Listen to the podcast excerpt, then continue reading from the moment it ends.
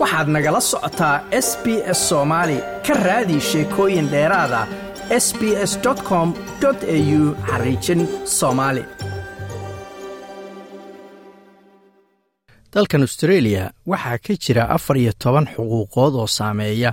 Qof kasta oo qaata ama shirkad walba oo qaadata maalgelinta dowladda ee xanaanaynta dadka waayeelka ah ama ha lagu xanaaneeyo qofka gurigiisa ama xarun dadka waayeelka lagu hayo. Laakiin maxaa dhaca haddii adiga ama qof kale oo qoyskaaga ka mida uusan ku qancin adeegga loo fidiyo xaquuqda la sharciyeeyey ee lagu difaaco macaamiisha la siiyo adeegga dadka waayeelka ee dowladdu kabto waxaa lagu qeexay xeerka xuquuqda xanaanaynta waayeelka oo lagu qoray sharciga xanaanaynta waayeelka ee ii labada ugu horreeya ee afar iyo tobanka xaquuqood ee aasaasiga u ah xeerka xanaanaynta waayeelka waxaa ka mid ah xaqa qofku u leeyahay in loola dhaqmo si ixtiraam iyo xushmad leh iyo inuu helo adeeg ammaan iyo tayo sare leh. Difaaca kale ayaa ah xaqa qofku u leeyahay inuu cabasho ama ashkato gudbiyo isaga oo aan ka baqayn in laga aargoosto. Cabashadiisana si deg dega oo cadaaladu ku jirto loola dhaqmo waxna looga qabto. Guddoomiye janet anderson waxay madax u tahay guddiga ammaanka iyo tayada xanaanaynta waayeelka oo ah hay'ad dusha ka maamusha adeegyada xanaanaynta waayeelka ee qaata maalgelinta ama lacagaha dowladda. Waxay sheegtay in guddigu booqdo xarumaha ay ku nool yihiin dadka waayeelka ah si ay u soo kormeeraan shaqada ay hayaan maamulka xaruntu lalana xisaabtamo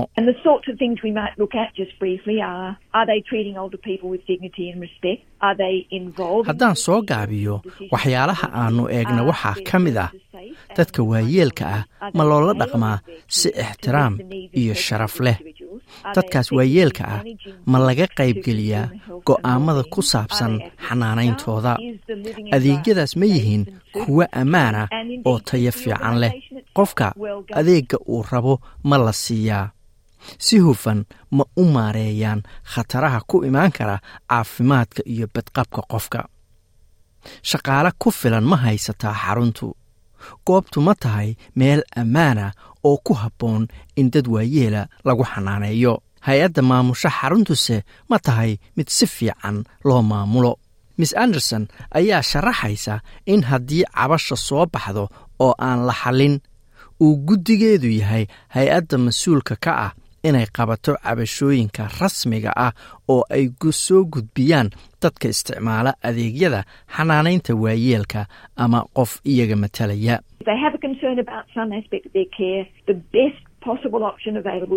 haddii aad ashkato ka tahay qayb ka mid a xanaanayntaada dariiqa ugu fiican ee u furan waa inaad la hadasho dadka xanaanada bixinaya ama xarunta. Laakiin waxaa jiri kara sababo gaar ah oo qofka ku keeni karta inay ka cagajiidaan ama aysan ku dhicin inay arrintaasi si toosa ula soo qaadaan ama kala hadlaan maamulka xarunta. Haddii daruuftaasi jirto waxaan diyaar u nahay inaannu caawinno. Marka waa inaysan ka gaban oo ka cagajiidin inay guddigan la soo xiriiraan shabakad u dooda dadka waayeelka ayaa bixisa macluumaad lacag la'aanah waxayna u ololeeyaan adeegyada dadka waayeelka ee australia oo dhan.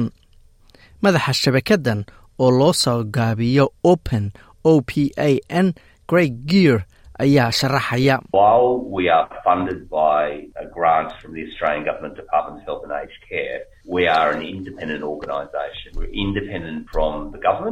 inkastoo deeq ka timaada wasaaradda caafimaadka iyo xanaanada waayeelka na lagu maalgeliyo haddana waxaan nahay hay'ad madax bannaan dowladda waan ka madax bannaannahay taas macnaheeduna waa inaan dowladda kala hadli karno meesha aannu u aragno in dhib ka jiro nidaamka xanaanaynta waayeelka waxaan annaga oo la tashanayna qofka waayeelka ah ee cabashada qaba aan si toosa ula hadalnaa hay'adda adeegga bixinaysa si arrintan loo xalliyo. Waxaa dalka oo dhan ka jira ku dhowaad laba boqol oo shabakadood oo u dooda dadka waayeelka ah.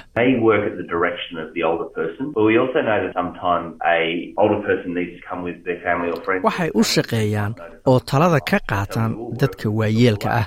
Laakiin waxaan sidoo kale ognahay in qofka waayeelka mararka qaar uu u baahan yahay inuu la yimaado qof qoyskiisa ama saaxiib ah. Ama waxaa dhici karta in qof saaxiibkiisa ama qof qoyskiisa ka tirsan uuba isagu arko in wax khaldan yihiin.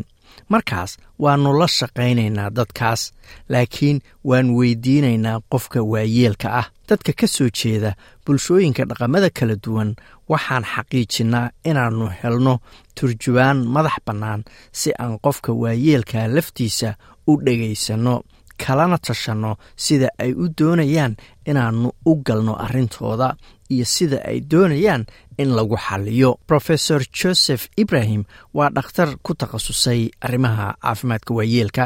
Madaxna ka ah maca daraasadda ku sameeya arrimaha waayeelka oo ka tirsan jaamacadda monash. Wuxuu sheegay in dadka loo fidiyo adeegyada xanaanaynta waayeelka ay inta badan ka cagajiidaan inay cabasho gudbiyaan iyaga oo ka cabsi qaba in loo arko inay yihiin dad rabsho wadayaal ah. Qaraabaduna waxay inta badan ka baqaan aargoosi qofka waayeelka ah uga yimaada shaqaalaha xarunta. Waxaa jira caqabado dheeraada oo ay la kulmaan dadka af ingiliishka uusan hayn luqadooda ama afkooda koowaad sida uu rofesor ibrahim markaa sharaxayo.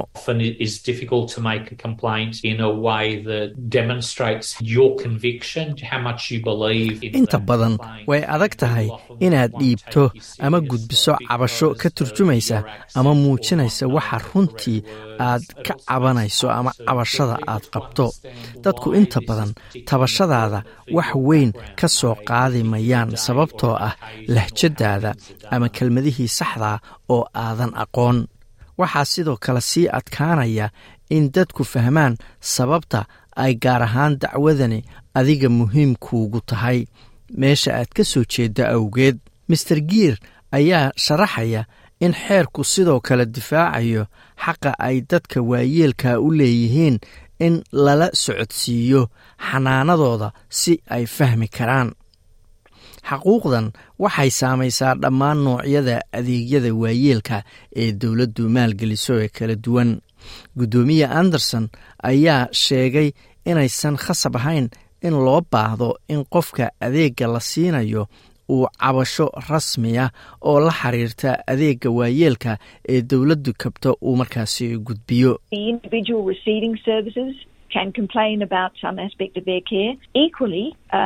qofka adeegga la siinayo wuxuu cabasho ka gudbin karaa dhinac xanaanadiisa.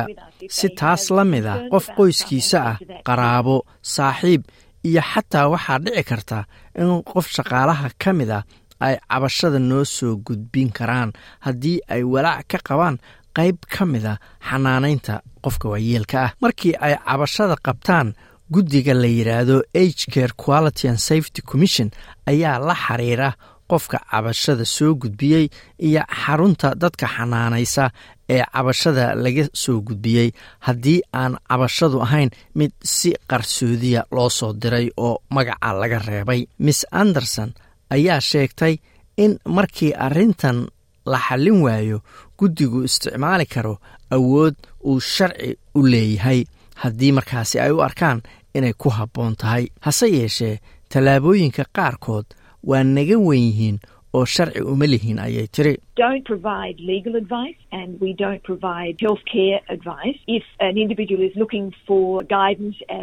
Ma bixinno talooyin dhanka sharciga ah. ma bixinno talooyin xanaanaynta caafimaad. haddii qofku doonaya talooyin dhanka xanaanaynta caafimaadka iyo cidda bixisa waa inay dhakhtar la hadlaan. Ma baarno sababta qofku u dhintay. waxaa shaqada iska leh dhakhtarka baara ee kornerka la yidhaahdo shaqo kuma lihin. Arrimaha matalan shaqaalaha xarunta mushaarooyinkooda iyo shuruudaha shaqo ee ay ku shaqeeyaan. Rofesor ibrahim ayaa ku talinaya in walaaca ama dacwada aad qabto marka ugu horreysaba aad gudbiso.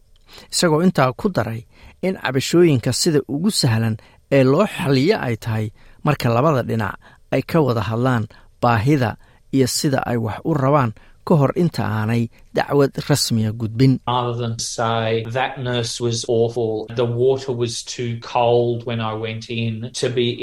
Intaad dhihi lahayd kalkaalisadaasi waa qof xun.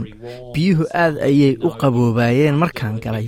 Marka horeba sii sheeg waxaan jeclaan lahaa inaan subaxii wakhti dambe qubaysto. waxaan jeclahay biyaha oo diiran ma la ii sheegi karaa inaan arrintaasi la samayn karin. Sababtoo ah haddii aan la samayn karin waxaaba dhici karta inaad tidhaahdo maba qubaysanayo. Inta aadan gelin qubays aadan markaasi doonayn ama rabin. Waxaad weyddiisanaysaa waxaad rabi lahayd. Marka waxaad u beddelaysaa cabashadii wada hadal.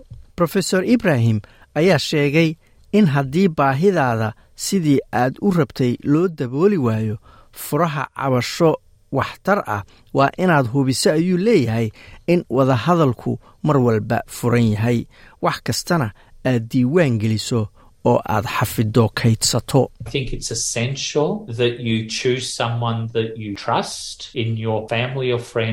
Waxay ila tahay inay lagama maarmaan tahay inaad xulato qof qoyskaaga ka tirsan ama saaxiibkaa ah oo ah qof deggan mar walbana edaab leh. Sababtoo ah waxaa la rabaa inaad fikraddaada dhiibato. waxaad rabtaa inaad kaydiso wax kasta oo dhaca oo aad diiwaan geliso. haddii aan dhibka la xallin. Waxaad haysataa macluumaad iyo caddaymo aad mustaqbalka isticmaali karto. Waxaa aad u fiican in aad tallaabo kasta dukumiinti ka samayso. Mar walbana maskaxdaadu u furan tahay inaad dhegaysato dhanka kale. Haddii aad doonayso inaad la hadasho qof ka mida dadkaasi u dooda dadka waayeelka iyo xanaanadooda. Waxaad wici kartaa national age care advocacy line oo ah lambarka lacag la'aanta waa hal sideed eber eber toddoba eber eber lix eber eber. Ama waxaad la xiriiri kartaa hay'adda kale ee ah age care quality and safety commission oo iyadana lambarkeedu yahay lambarka lacag la'aanta ee ah hal sideed eber eber sagaal shan hal sideed laba labo. Like aas la wadaag wax ka dheh lana soco barta facebooka ee sb s soomaali